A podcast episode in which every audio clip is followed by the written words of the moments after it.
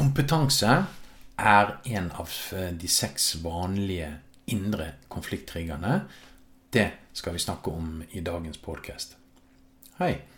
Gert Torgersen heter jeg, fra Changework. Jeg jobber som konfliktmegler og hjelper til å skape gode relasjoner på arbeidsplasser. Og det gjør jeg ved å både vekke forståelse for hva som skaper og driver konflikter, og deretter gi dem hjelp til å løse opp i konfliktene. Og Sånn sett så er denne eh, konfliktpodden også et lite bidrag i dette, nettopp å vekke forståelse av hva som skaper og driver konflikter mellom mennesker. I dag er det altså indre konflikttriggere, og den første kaller jeg for kompetanse.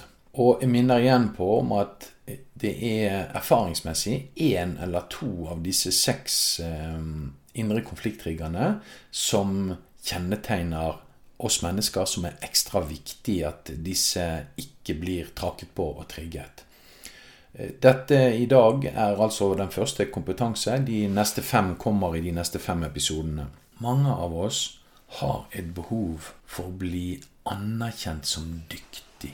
Altså kapable til å gjøre det vi skal gjøre. Å gjøre den jobben vi er satt til å gjøre. Vi eh, har et behov for å bli sett gjerne som dyktig. Altså ikke bare at vi eh, klarer å gjøre jobben, men at vi er dyktige til å gjøre jobben.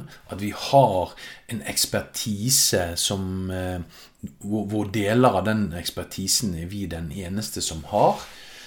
Eller om ikke vi er den eneste, så er den i hvert fall vesentlig for arbeidsplassen, for funksjonen i teamet på avdelingen. Så er vår kompetanse nødvendig. Og når andre mennesker oppfører seg, altså nonverbalt eller verbalt, på en måte hvor vår tolkning blir at den kompetansen settes til spørsmålstegn ved, eller kanskje enda verre, at den kompetansen den blir eh, neglisjert eller rakket ned på. Altså det blir eh, gitt signaler om at vi ikke har den nødvendige kompetansen. Så eh, blir det utrygt for oss. Det rokker ved noe av det bildet vi har av oss selv. Og da er veien veldig kort til at vi får en uh, reaksjon i oss selv, en, aktivering i oss selv, som gjør at vi går inn i uh, det jeg kaller konfliktmodus. Konfliktmodus betyr jo ikke nødvendigvis at andre oppfatter at det er en konflikt. Men inne i oss selv så starter denne konfliktreaksjonen. Som vi skal snakke om i en annen eh, episode. Så når vi går inn i konfliktmodus, så endrer vi oss i måten vi eh, samhandler og interagerer med de vi eh, oppfatter at vi er i konflikt med. Det blir andre ting som blir styrende i hvordan vi forholder oss til, snakker til, eh, hva vi gjør, hva vi ikke gjør. Så hvis du opplever at noe plutselig blir ugreit, du kjenner at du får denne reaksjonen eh, kjempe, flykte, eller du bare blir helt paralysert, altså du fryser, så er det veldig spennende å se er det er noen som har trykket på en konfliktregger hos deg som handler om kompetanse, eller noen av de andre vi skal snakke om senere. Det å gjøre en endring i konflikter vi er i, handler om at vi må se ting annerledes. De som er involvert i konflikten, må se ting de i dag ikke ser.